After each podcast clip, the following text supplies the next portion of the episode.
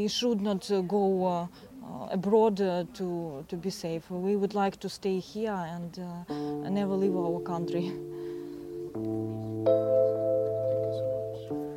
Det er mer enn tre millioner mennesker som har flykta fra Ukraina. Men fortsatt så er mer enn 40 millioner mennesker igjen i landet. Sammen med dattera si på fem år har Helen flykta fra sitt hjem. Hun vil ikke reise fra hjemlandet sitt, med mindre det er eneste utveien. It will be dangerous here. Uh. Uh, Du hører podkasten Rødt lys fra Røde Kors. Mitt navn er Olav Andreas Saltbones, og jeg jobber for Røde Kors. Uh, Opptaket til denne episoden er gjort inne i Ukraina. Helen og dattera Alexia møtte vi en by som ligger ca. tre timer kjøring østover fra grensa mot Polen. Resten av opptaket er gjort i en bil på vei mot grensa etter flere dager inne i Ukraina. Ja, Det var en sterk historie fra en, fra en ung mor eh, som hadde en fem år gammel datter eh, som hadde flyktet fra Kiev. Eh, og det, det å høre den situasjonen, og spesielt hvordan eh, datteren eh, eh, driver og bearbeider det hun har vært gjennom, sover mye, eh, og mor må være veldig, veldig sterk, som hun beskrev.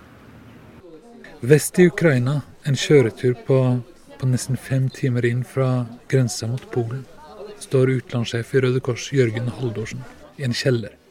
Der kan folk som er på flukt, de som har mista alt, komme for å få seg et måltid, klær eller førstehjelpstrening. Situasjonen her vest i, i Ukraina er jo at uh, veldig mange mennesker fra, fra øst har, har kommet denne veien. Sirenene som fyller hele byen med lyd, varsler om fare. Men her i denne byen så har det til nå ikke vært noen angrep. Helen forteller om hvordan hun forsøkte å berolige dattera si midt i kaoset. I talked to her a lot uh, and uh, tried to um, calm the situation uh, because when I, I will, ah, those what it helps nothing. For noen få dager siden så gjemte Helen og dattera Alexia seg på badet i sin egen leilighet. Badet var det tryggeste stedet de hadde. De gjemte seg for bombene, for lyden. De gjemte seg for livsfare. Etter en stund så dro de til eh, metrostasjonen som ligger under bakken. Der følte de seg litt tryggere. De sov der. Nå tenker hun på hvordan livet plutselig har endra seg. Skifta retning for henne sjøl og for dattera si. When we were in Kiev, uh, she lived uh, um, usual life. Uh, she uh, uh, went to the kindergarten, uh, but uh, now we uh, should uh, save our lives and uh, um, search for places uh, when we will be in safe.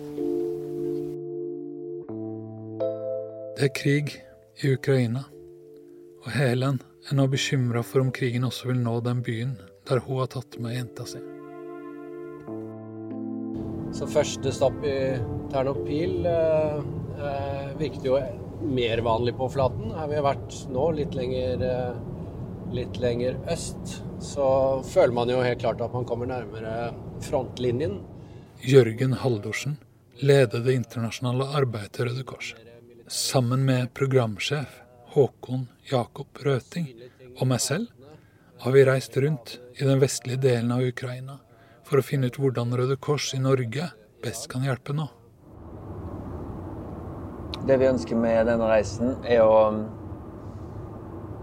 kartlegge hvordan vi så fort som mulig skal sette opp helseteam ledet av Ukraina Røde Kors, som kan dekke noen av de udekkede behovene for konfliktrammede i Ukraina.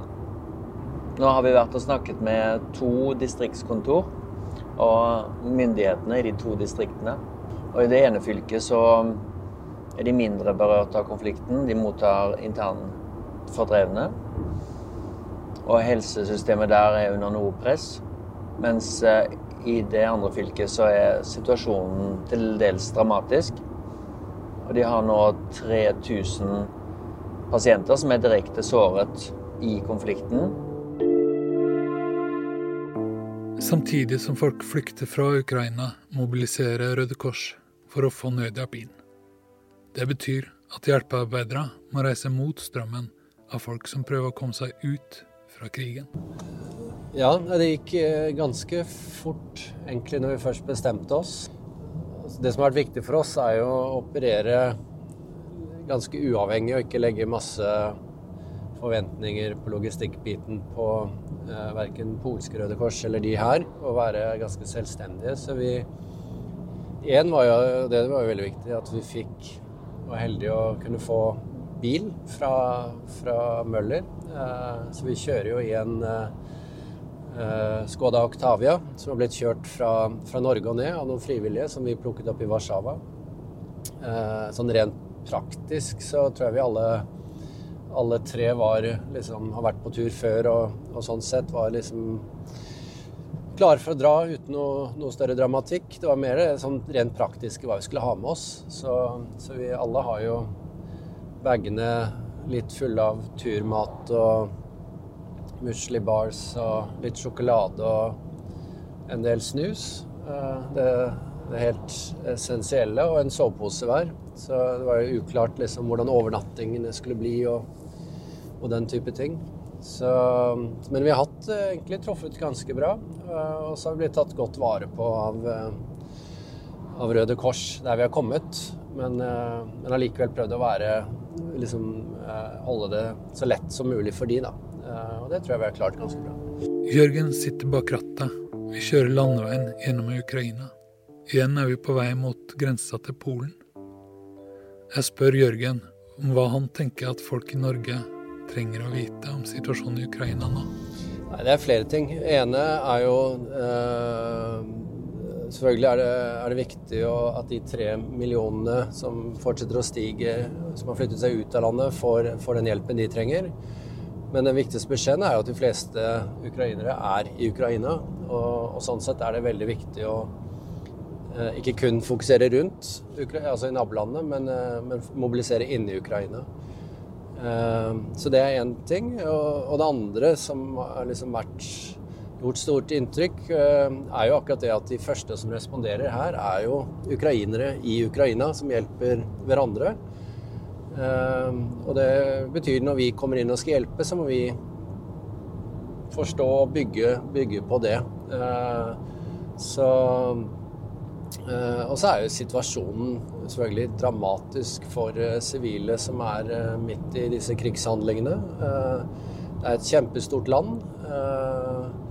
Og selv om krigen er i, er i, øst, og det er krevende å få tilgang for å komme inn der og hjelpe de, og få folk ut og hjelpe de, så er det jo mange hundre tusen i, i bevegelse internt i Ukraina. Så dette er jo ikke noe én organisasjon kan gjøre alene, eller bare private folk i, eh, eller institusjoner i Ukraina. Her må man eh, samarbeide godt. Eh, og dette vil ta tid. Dette vil helt klart, og behovene vil forandre seg over tid.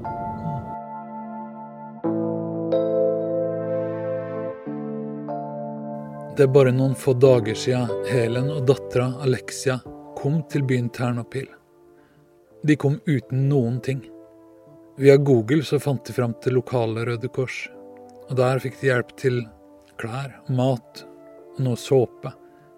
I searched an address in the internet and uh, I came here and uh, I'm very thankful these uh, people for help. Uh, we get uh, food, uh, we get clothes and here a lot of things um, for the first time we can get for life, for, live, for living. Nå er de usikre på fremtida. Til sommeren så blir dattera Alexia seks år, og hun skal begynne på skolen. Akkurat nå så vet de ikke hvordan det blir. Om hun får begynt på skolen, om det er krig i landet, hva fremtida bringer.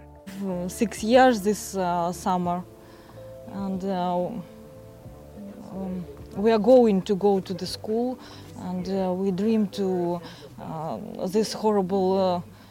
war finished.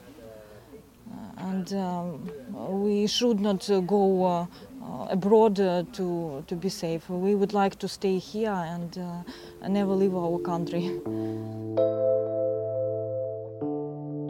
Du har akkurat hørt podkasten Rødt lys fra Røde Kors. Dersom du abonnerer, så vil du få varsel neste gang vi kommer med en ny episode.